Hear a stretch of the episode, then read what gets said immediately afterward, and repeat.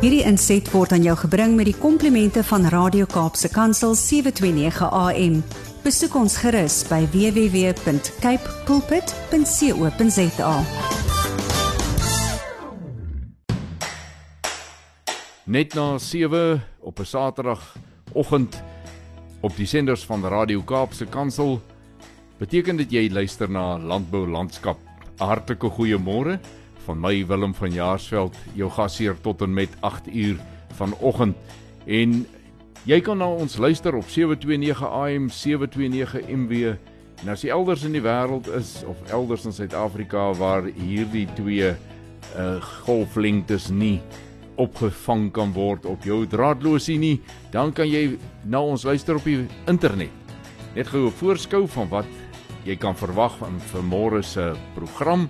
Om 10:07 kom saad vir die saaier aan die beurt en ons lees vanmôre Psalm 118 verse 13 en 14 met die tema My krag en beskerming kom van Hom.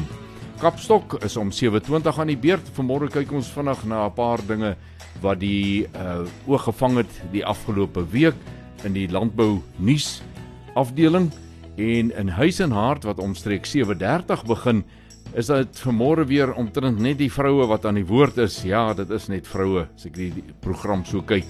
In die eerste deel van huis en hart gesels kollega Gerda Leroux met Dr Didi Klasen.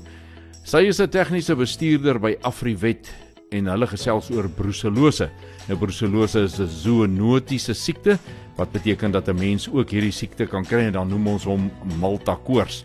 In die tweede helfte van Huis en Hart gesels Gerda met Dr Roda Malgas, dosent by die fakulteit Agriwetenskappe by die Universiteit Stellenbosch. En hulle gesels oor veldtee, wilde rooi rooibostee, wilde rooibostee en heuningbostee. Dr Malgas vertel ook van die fonds wat sy begin het om studente te help met studies. 'n Wonderlike storie, luister gerus daarna. En dan uh, natuurlik sluit ons die program altyd af met 'n storie van hoop. En vanmôre gaan ons daardie tydjie gebruik om so 'n bietjie uit te brei op dit waarmee ons begin het, die die tema van Psalm 118. En ons gaan dit effens 'n kink gee in ons gesels oor wanneer daar nou mense teen jou opstaan, hoe om dit so 'n bietjie te probeer hanteer. So bly ingeskakel. Landboulandskap word aan jou gebring met die komplimente van Cape Pots varsprodukte mark. Ek nooi jou om met ons te gesels deur middel van ons WhatsApp en Telegram nommer wat albei het dieselfde nommer 081 729 1657 of jy kan 'n SMS stuur na 37988 per e-pos sal jy my bereik by wilhelm@capepulpit.co.za begin jou boodskap met die woord landbou asseblief. Hier op landbou landskap gee ons jou graag 'n kykie in dit wat op die plaaswerf en dalk uh, sommer so 'n hele end weg van die plaaswerf ook gebeur. Uh, want ons praat nie net plaaswerf sake nie, ons kyk ook wat op die paaie gebeur en daar by die hawens en sommer oral oor. So was dit vir my die afgelope tyd lekker toe 'n boer daar naby Bella Bella of Warmbad soos ons hom ken, vir my gou sy pragtige mielies wil gaan wys en ons praat oor die grondsoort in die watertafel wat so uh, naby die oppervlak van die grond is en so met die kyk na die mielies toe uh, is die luiperd se spoor baie duidelik waar hy uit die bos kom en so ook na die mielies kom kyk of natuurlik agter die vlakvarke is wat daar in die mielies pla. En toe kan 'n mens weer so 'n bietjie op die spoor loop van die gespikkelde kat. Nou ja dis landbou Net hierna saad vir die saaier Psalm 118 verse 12 tot 14. Dit is nou tyd vir saad vir die saaier onder die tema my krag en my beskerming kom van hom en dit is dan die hom met 'n hoofletter bedoelende Jesus Christus of as ons dan wil die Here my God. En Psalm 118 verse 12 tot 14 sê die volgende: Hulle en dan verwys hy na sy vyande. Hulle het my omsingel soos bye. Hulle is uitgeblus soos 'n doringtakvuur. Dit is in die naam van die Here dat ek al hulle stikkend gekap het. Jy het my hart gestamp om my te laat val, maar die Here het my gehelp. Die Here is my sterkte en psalm en hy het my tot heil geword. Nou dit is duidelik dat die skrywer hier baie duidelik verwys na vernietigende magte wat daarop uit was om om nie net skade aan te bring nie of aan te rig nie, maar dat hulle ook daarop was om hom te vernietig. En dan sê hy: "Jy het my hart gestamp om my te laat val, maar die Here het my gehelp." En nou is dit soos wat ons later in stories van hoe ook so 'n bietjie gaan kyk hierna. Dit kan nou mense wees, dit is so. Maar dis meermale die magte en die owerhede in die lig waarvan ons ook in die woord lees. En dan staan 'n mens en jy wonder, wat sal ek doen in hierdie omstandighede en jy kry so baie mal in jou mens wees die lus om sommer in eie mag en krag dinge te doen en hierdie goede aan te vat en uh net kom te dryf wil ek amper sê. Maar dan lees ek in Psalm 118 'n baie belangrike riglyn. Hy sê die Here en dan is daai Here alles hoofletters. En dit beteken hy praat van God die enig is my sterkte en my psalm. En hy het my tot heil geword. Hy het vir my met ander woorde die redding gegee. As hy my sterkte is en hy's ook my psalm, die die loflied in my hart, dan kan ek oorwinning hê. Kom ons bid saam. Vader, dit is weer 'n voorreg om in die naam van Jesus ons knieë voor U te buig ons kop te laat sak in skaamte omdat ons so ver kort kom. Want soveel kere dan wil ons die gevegte in ons eie krag en ons menslikheid veg. Maar Here, as ons vanmôre hierdie goeie raad nie aanneem nie, sal dit regtig spreek van diepe onwysheid. En daarom kom ons na U toe en vra dat U ons sal aandoen met daardie wysheid, daardie insig, maar ook daai berusting dat by U lê ons heil. U is ons krag en ons beskerming. Ons bid dit in Jesus Christus se naam. Amen. Sommige reeds hier uh, in die tweede maand van hierdie besige jaar, want dit gaan 'n besige jaar wees, is daar 'n hele paar skoue wat plaasvind en dan nog een of twee ander dinge wat ook belangrik is om van kennis te neem. Die Heidelberg skou is die 8ste tot die 11de Februarie. Victoria Wes se skou is die 10de tot die 11de Februarie. Riversdal se skou is die 15de tot die 18de Februarie. Sake Liga bied 'n kragdag aan die 17de tot die 18de en Holliston se skou is 23 tot 25 Februarie.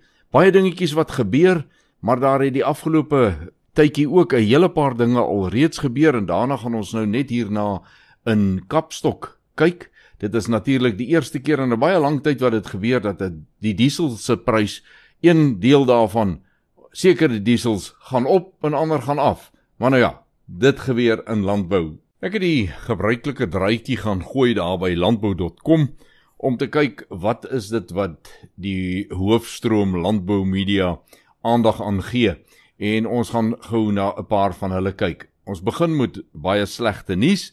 'n uh, Voorste boer, die of een van die voorste boere van Darling sterf skielik. Amelia Genus skryf daaroor en dit is meneer Willem Basson wat saam met sy broer Paul en hul seuns Koenraad, Koen, Henko en Paul 'n gemengde boerdery op die plaas Eilenkraal bedryf het, was tot sy dood aktief in die boerdery.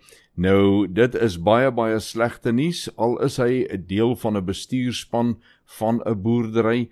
Daar is altyd 'n leemte wanneer so 'n steunpilaar of 'n hoofspeler in 'n bestuurspan in landbou nie meer daar is nie. Maar nou ons wens hierdie familie baie sterkte toe uh vir die pad vorentoe. Ons glo hulle het die inherente krag om dit te oorkom.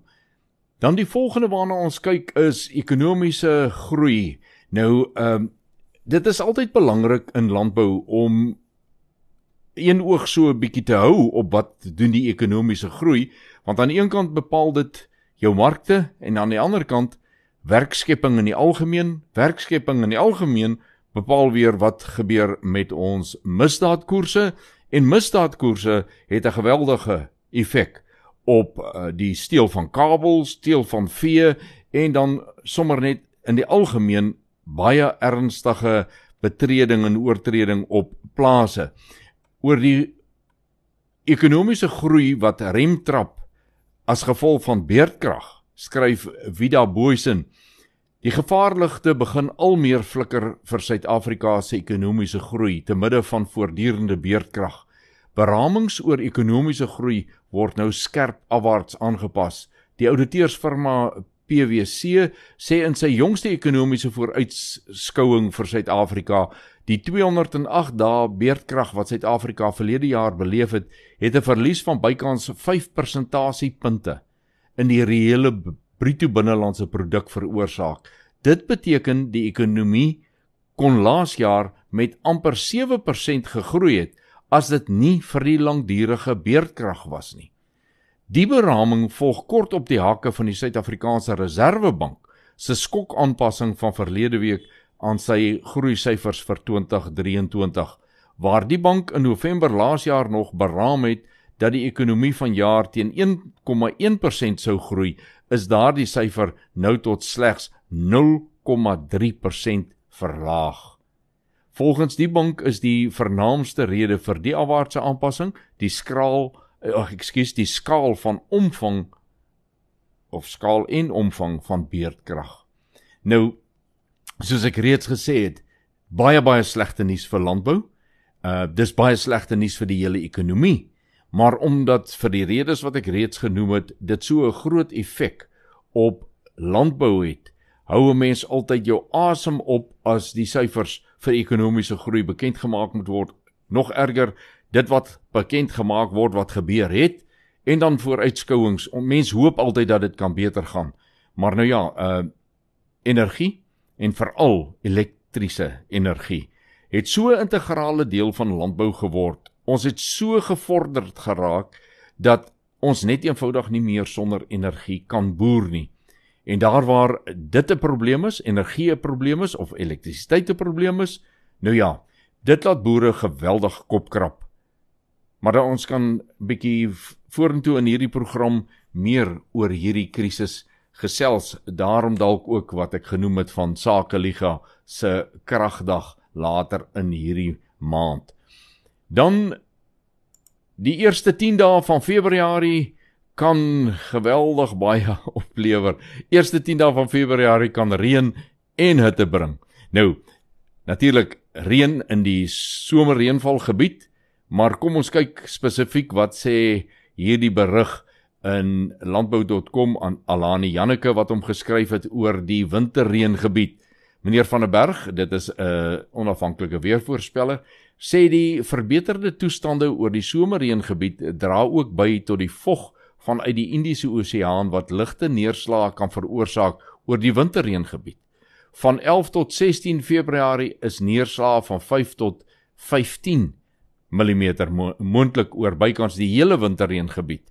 Die suidelike dele van die Noord-Kaap, asook die weste suidwestelike dele van die Oos-Kaap Wat temperature betref, gaan dit baie hoog wees vanaf 3 tot 10 Februarie oor die grootste deel van die Wes-Kaapse binneland. Temperature van tot 40 grade Celsius en hoër is moontlik op plekke soos pa, die Parel, Woester en die Dorings. Nou ja, jy sien, dit gaan altyd so. Een deel van landbou juig omdat dit gaan reën En 'n ander deel van landbou maak hom reg. Kry so lank die skadikolle onder die bome mooi skoon geskoffel want jy sal daar wil gaan sit om 'n koue dingetjie te drink so deur die werkdag.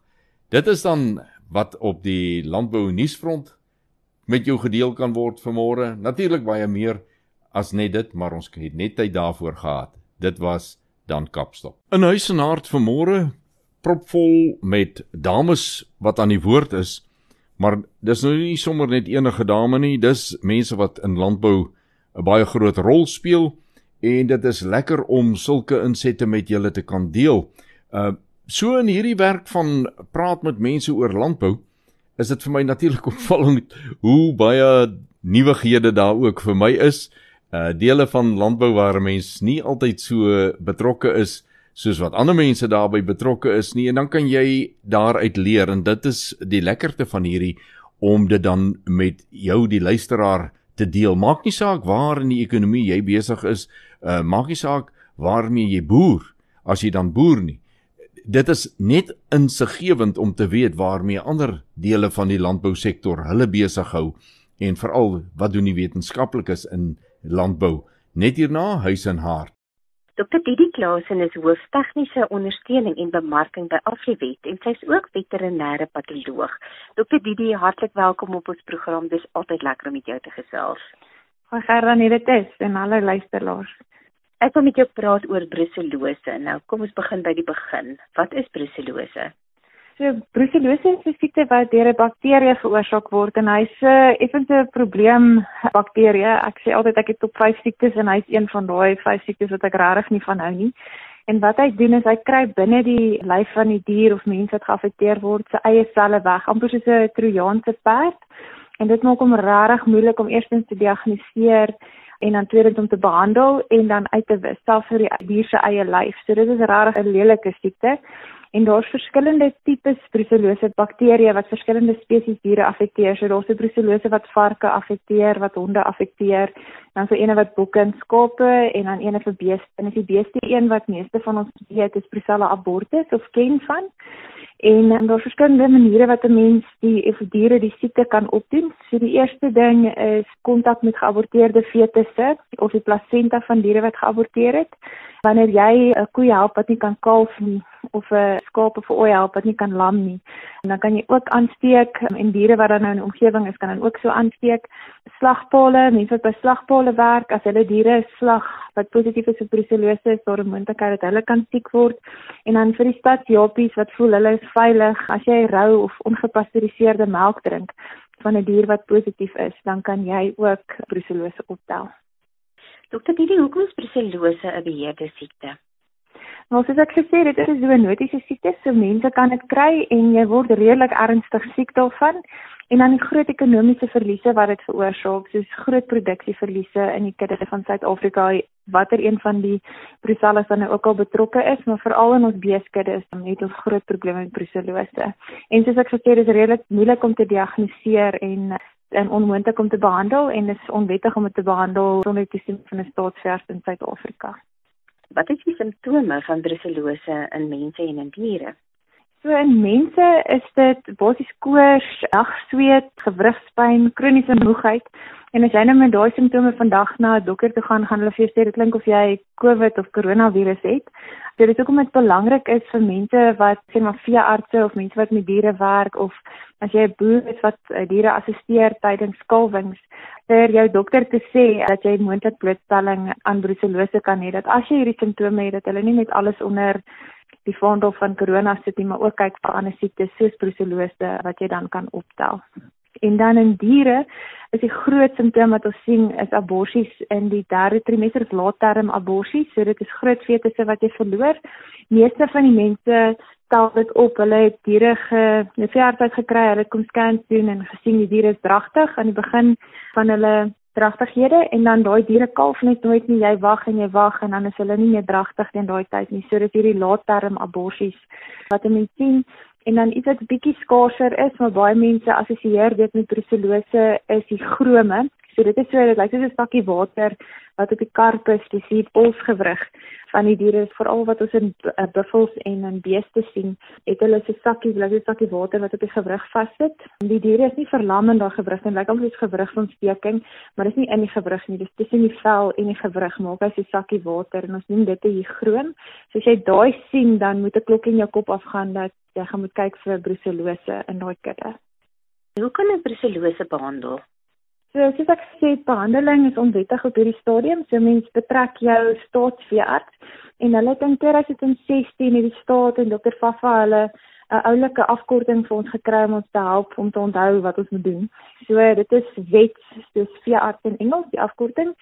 So die VETS Die V staan vir vaccinate, so dis nou Engels, maar jy moet jou diere inent. Daar's twee geregistreerde entings in Suid-Afrika beskikbaar. Die enetjie is stam 19. Hy werk regtig goed, maar jy moet hom op 'n baie spesifieke tyd vir die palfies gee.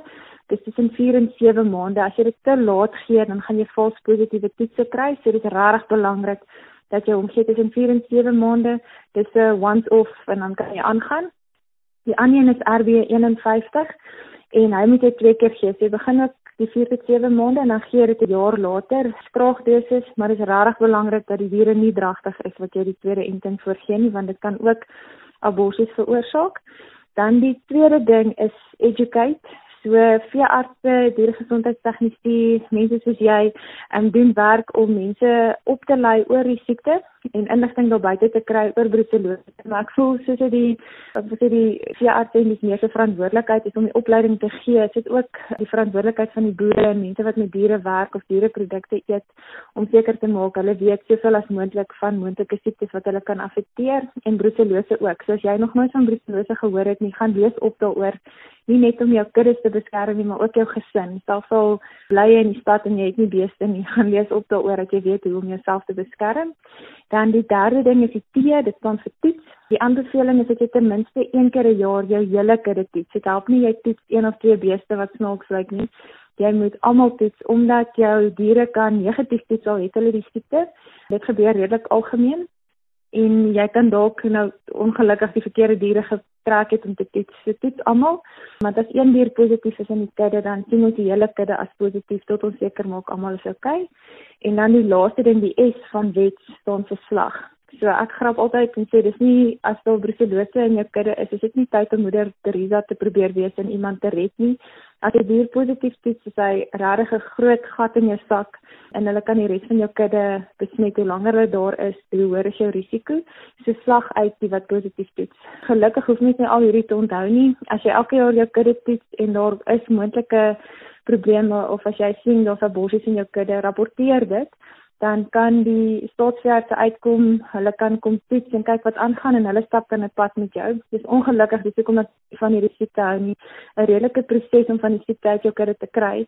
So dis belangrik hoe gouer jy probleme optel, rapporteer dat ons kan begin werk. En ons het al kudde skoon gekry en dit is altyd lekker, maar dan moet jy saam met jou boer werk. Jy wil nie teen jou boer werk nie. So vinniger mense saamwerk, jy regtig goed doen vinniger vir die probleem opgelos en dan die beste ding is om nie die probleem te kry nie. Jy maak seker as jy nuwe diere in jou kudde inkoop, biosekuriteit. Maak seker hulle is getoets vir brucellose en dat jy dan elke jaar toets dat as dit verbygekruip het soos 'n Trojaanse perd, dan jy dit dan te vroegtydig kan optel om dit so gou moontlik skoon te kry. Dr. Rhoda Malgas is 'n dosent in bewaringsekologie en entomologie in die fakulteit Agriwetenskappe van die Universiteit Stellenbosch en sy is ook stigter van die studentgesentreerde Small Things Fonds. Dr. Rhoda, hartlik welkom op ons program. Goeiedag Gerda, dankie. Dag aan die luisteraars en baie dankie vir hierdie geleentheid. Dr. Rhoda, jy het 'n studie gedoen wat fokus op die inheemse teebedryf. Waar het die idee ontstaan? Ja, weet jy baie jare lank gelede, was ek 'n MSc student by die Universiteit Kaapstad.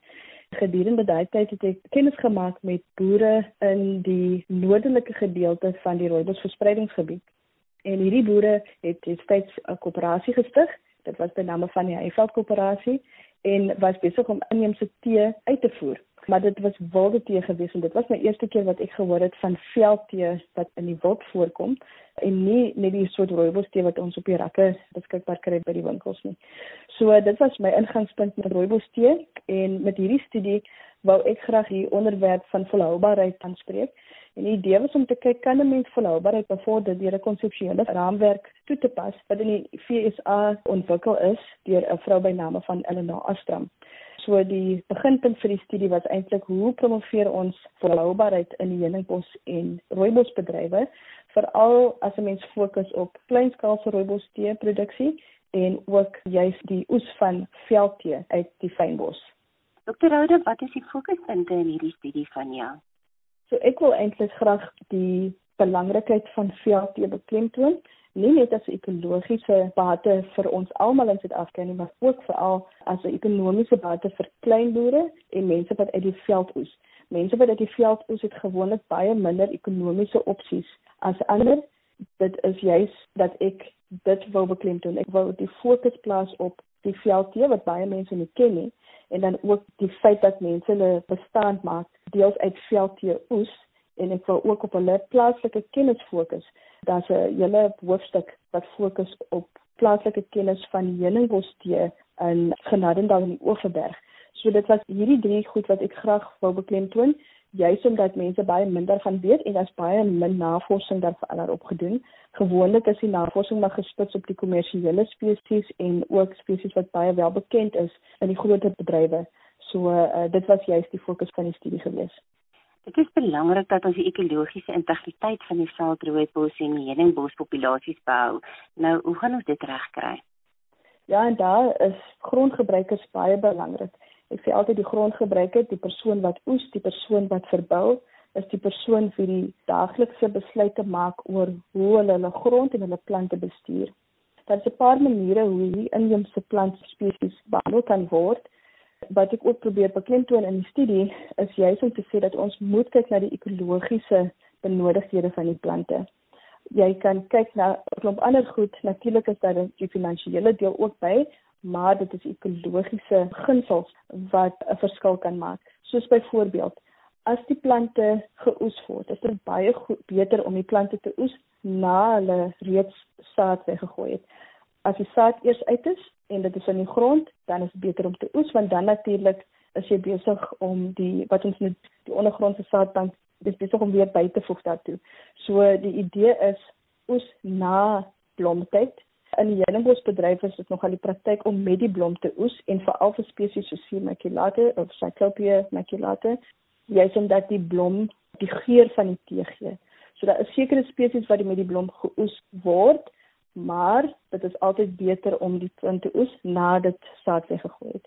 So die plante moet nie te diep geoes word nie. As 'n mens agtergewig aan oes, nou dan is dit 'n probleem as jy dieper in die plant oes waar die stokkerige gedeelte van die plante is. Die plante natuurlik maak hulle kos met hulle blare en hoe minder blare hulle het, hoe minder hulle vermoë om weer te herstel na die oes. So dit is belangrik dat daar genoeg groenigheid aan die plant agtergelaat word na oes. So dit is maar twee voorbeelde van hoe plante bestuur kan word. Dit is ook die bestuur van die veld.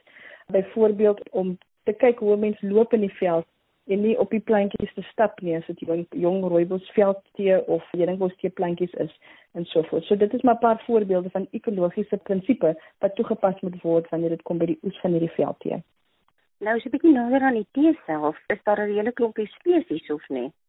So daar is in die rooibosbedryf net die een spesies en dit is Aspergillus linearis, maar ons navorsing het gewys al sedert 2010 en daar was studies ook voorheen gedoen om te sê dat daar verskillende soorte van hierdie spesies voorkom.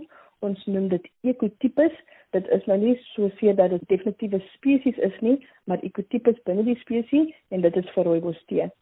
Vir heuningbostee is daar wel verskillende spesies en die ekotipe stelsel word dan nou nie daartoe gepas in ons daarvan praat nie. So van die 23 spesies in die genus vir sy klopie is daar 6 wat hoofsaaklik vir tee gebruik word, maar met rooibos is die ekotipes daar soos 4 of 5 van hulle maar die een wat ons natuurlik in die mainstream gebruik is wat hulle noem die Racklins tipe of die Notier tipe en dit is wat in die 1930er jare al sedert daai tyd verbou word vir die rooibostee wat ons ken maar die ander veldtipes is wat deur klein boere gebruik word en die Heiveld koöperasie en dan is daar ook koöperasies in Wuppertal wat van daardie tee gebruik maak en hulle het spesifieke markte vir daardie veldtee. Dokter Rauda, is seker nodig om permit te hê of nie en hoe word so permit bekom? Miskien moet ek eers verduidelik dat rooibostee in die Weskaap en in die Noord-Kaap voorkom en dan heuningbostee kom in die Weskaap en in die Oos-Kaap voor. En dit het te doen met die natuurlike verspreidingsgebiede van die spesies wat ons gebruik vir tee. So omdat die spesies oor twee provinsies strek, is dit vir die een bedryf nodig dat jy permit moet hê. Dit is in die heuningbostee bedryf vir enige fynbosvet jy uit die veld oes is 'n permit nodig op nasionale vlak is dit die wet wanneer dit kom by veldtee wat op 'n eienaar se grond groei dan moet daar van die eienaar ook permissie gekry word om die tee te oes. Maar wat dit meentgrond is dan kan 'n groep persone aansoek doen vir permit en hulle kan dan so toegang kry tot die tee Dr. Oude en dan het ek ook gesê dat jy die stigter van die student gesentreerde Small Things Fund is. Nou vertel my meer van hierdie fonds en wat se doelstellings en wie word hierdeur bereik? Ja, gerde. So ek kom uit Mitchells Plain en ek het daar die Kaapse vlakte groot geword. Ek is die eerste een in my familie om hierdie mylpaal te kan bereik en dit het baie gekos en ek weet wat dit kos om die eerste een te wees. So ek het geweet wat dit geverg het. Ek het hierdie fonds begin juis omdat ek wou terugploeg en ook net op 'n manier 'n bydrae lewer vir studente of moontlike studente wie skrywer is, wie hou daarvan om boekwerk te doen. Ek is passievol om te leer. So wat ons doen is ons crowdfund en almal dra by. So dit is amper soos 'n stokvel dis maar nou 'n formele stokvel. As daar studente is met wat rondom ons dan probeer ons hulle help. En so daarop wat ons aanbied is maar klein goedjies. Dit is hoekom die naam the small things fund is. Dis iets soos dalk 'n boek en soms is 'n boek 1500 of 2000 rand as dit 'n wetenskapboek is of 'n studente dalk 'n paar skoene nodig of data ons het selfs 'n student in die aard byvoorbeeld gehelp net met data om haar teses in te dien toe haar familie dit nie kon bekostig nie. So dit is maar klein voorbeelde van hoe die Small Things Fund help. Ons is baie dankbaar vir mense wat al reeds bygedra het oor die jare en ons sien uit vir enige iemand wat nog wil bykom om saam met ons te werk om hierdie studente meer en beter ondersteuning te verleen. Nog 'n suksesverhaal wat ek hier kan oplewer is dat ons 'n student gehelp het in ons boukunde departement en hy het uit die Ooskaap gekom en dit is soms die geval dat 'n student kom net met die klere wat hulle aan het, 'n klein tassie en my kollega en vriendin ook mede raadslid op die smokings van Monica Bason het hierdie student na my toe gestuur. Ons het hom onmiddellik kon help en vandag se daardie student is nou 'n PhD kandidaat in Londen by King's College. Sy naam is Angel Goldsmith hy sien nuutste raadslid by the Small Things Fund. Die ander raadslid was ook 'n student wat ons al in teologie gehelp het en hierdie twee is nou die nuutste raadslede van the Small Things Fund. So ons probeer hulle ook 'n bietjie bevorder in terme van organisasie en hoe mense organisasie lei en so voort. So dit is twee van ons suksesverhale en daar's talle meer. Ek vir jou dag besig hou as ek jou moet vertel. Dr. Ouda, hierdie is 'n wonderlike storie van hoop. Baie dankie vir die inisiatief wat jy geneem het en mag jy baie seën ontvang hiervoor. Baie dankie Gerda en baie dankie aan jou luisteraars en ek hoop dat die mense 'n bietjie neutral te sal trek om te gaan kyk wat maak die mense met die tee. Nie net die blommetjies gaan kyk nie, maar gaan kyk ook hoe hulle die tee verwerk. Dan nou heel laastens, watter boodskap het jy aan ons jong boere in ons land?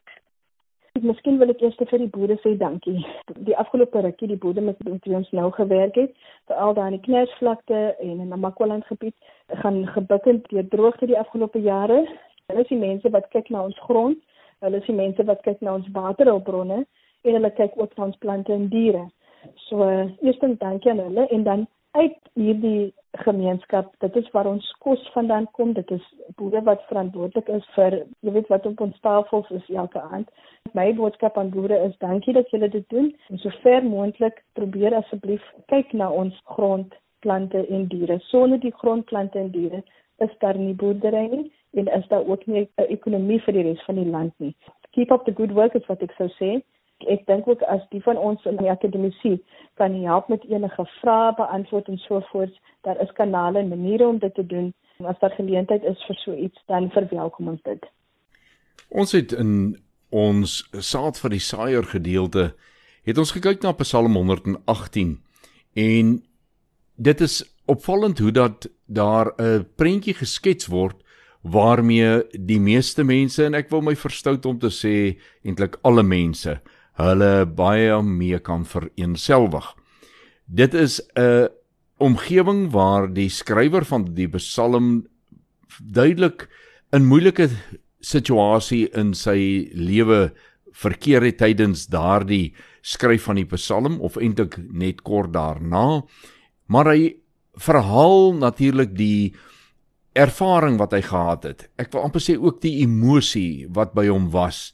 As 'n mens kyk hoe hy daar skryf van uh, hulle het my soos bye omring, dit beteken dit was 'n redelike klompie mense uh, waarmee hy hier te doen gehad het of hy wil tog vir ons wys dat dit was was waarskynlik meer as net mense waarmee hy hier te doen gehad het. Nee, want ons weet die woord sê ook ons stryd is nie teen vlees en bloed nie maar die magte en die owerhede in die lig nou wat tog hier hy sê jy het my hart gestamp sê Psalm 118 vers 13 dit daar's 'n fisiese maar daar's ook 'n geestelike in hierdie saak wanneer ons kyk na wanneer dinge met ons nie lekker gaan nie, wanneer dit in verhoudinge is, mense wat dalk nie te na aan jou is nie, mense wat jou as 'n vyand beskou vir watter vreemde rede dalk ook, maar baie persoonlike redes baie keer.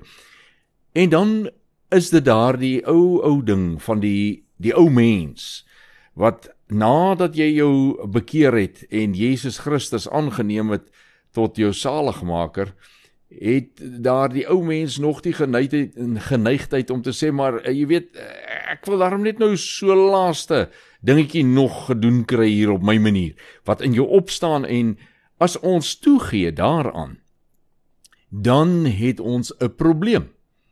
Want dalk die grootste probleem wat ons het is die ene wat ons ons oordeel met ons menslike verstand en ons menslike vermoë om te verstaan, te probeer verstaan wat in die wêreld en in die lewe om ons aangaan en dan maak ons foute.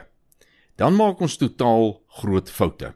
Wanneer die Heilige Gees oordeel en sy oordeel is suiwer want hy voor, uh, oordeel volgens die godheid, die drie enige se verstaan van sake en dit is volmaak daardie verstaan. Dan oordeel hy ook volmaak en is sy optrede volmaak en wanneer ons toelaat dat hy deur ons werk dan sal daardie optrede van ons nie wees wat die ou mens wil hê nie maar dit wat die Heilige Gees se leiding is. Nou een van die diepste lesse dink ek wat ek in my lewe op hierdie terrein moes leer was die een van om 'n onderskeid te tref tussen die mens wat die daad verrig en dan die rede waarom die mens die daad verrig. Want die skepsel, die persoon, die mens is geskape na God se beeld. Maar met die sondeval het daardie wonderlike geskaapte mens het toe nou in 'n situasie beland in in 'n toestand ingegaan wat nie meer alles gedoen het soos wat dit God behaag nie, maar daar het 'n 'n ander skakering in sy optrede gekom. En dermate 'n mens ook in sy lewe wegbeweeg van God en sy die wandel met die Here, dan maak die mens hom oop vir invloede wat van buite die godheid is. 'n uh, invloede wat teen die godheid is. En sulke mense laat toe dat hulle misbruik word deur die siele vyand en sy doel is net een ding om die persoon waarmee hy besig is te vernietig geestelik die hiernamaals van daardie persoon te steel maar daardie persoon dan ook te gebruik om dit in ander se lewens reg te kry. So word ons agente as ons op daai stadium in die lewe kom weg van die Here dat jy 'n agent kan wees van die vyand van die duiwel. Hoe hy dit te werke gaan wil ek nie nou op ingaan nie, maar die die die punt is ons moet ook wanneer ons met mense te doen het wat jy sê man daai man is net 'n struikelblok in my lewe. Oppas wat jy sê. Dis nie die man nie, want die man is die een vir wie Christus gesterf het. Vir die man, vir die persoon, vir die mens is daar nog 'n kans as hy hom bekeer maar vir dit wat deur hom opereer om jou daardie gevoel te gee. Dis 'n ander saak. En dit is waar die psalmis dit vir my laat deurskemer. Hy sê uh in die naam van die Here het ek hulle stikkend gekap. Hy het nie mense stikkend gekap nie. Dalk in 'n swart geveg uh, het daar bloed geloop, ek weet nie. Die punt is net hy sê maar die Here het my gehelp En die Here is my sterkte en my psalm. Hy het my tot heil geword. Laat ons hierdie les onthou. Dan is dit nie teen die mens wat ons veg nie, maar teen die boosheid in die lig. So met die wete dat niks in landbou sonder die Here geskan suksesvol geskied nie, is dit uh wat 'n mens altyd wanneer jy oor landbou sake gesels in ag moet neem. En vir my is dit 'n vreugde om te weet, uh, ek het dit ook so beleef in my lewe op die plaas en uh, dit wat party dae vir 'n ou gelyk het na onoorkomelike het jy op een manier die oorwinning gekry en dit is om die knie te buig en te gaan tot hom wat die landbou so goed verstaan en jou as mens so goed verstaan. Ja, dit is dan ook die einde van vanoggend se samekuier hier op Radio Kaapse Kansel by Landbou Landskap. Elke Saterdag tussen 7 en 8 is dit my vreugde om met jou te kan gesels. En ons sê dankie vir Kypots varsprodukte mark wat hierdie program vir ons moontlik maak. Onthou om met my te gesels by die nommers wat ek reeds gegee het. En tot ons dan weer saam kuier volgende Saterdag om 7 groet ek Willem van Jaarsveld en mag jy elke oomblik Vader se guns op jou lewenspad beleef. Wederom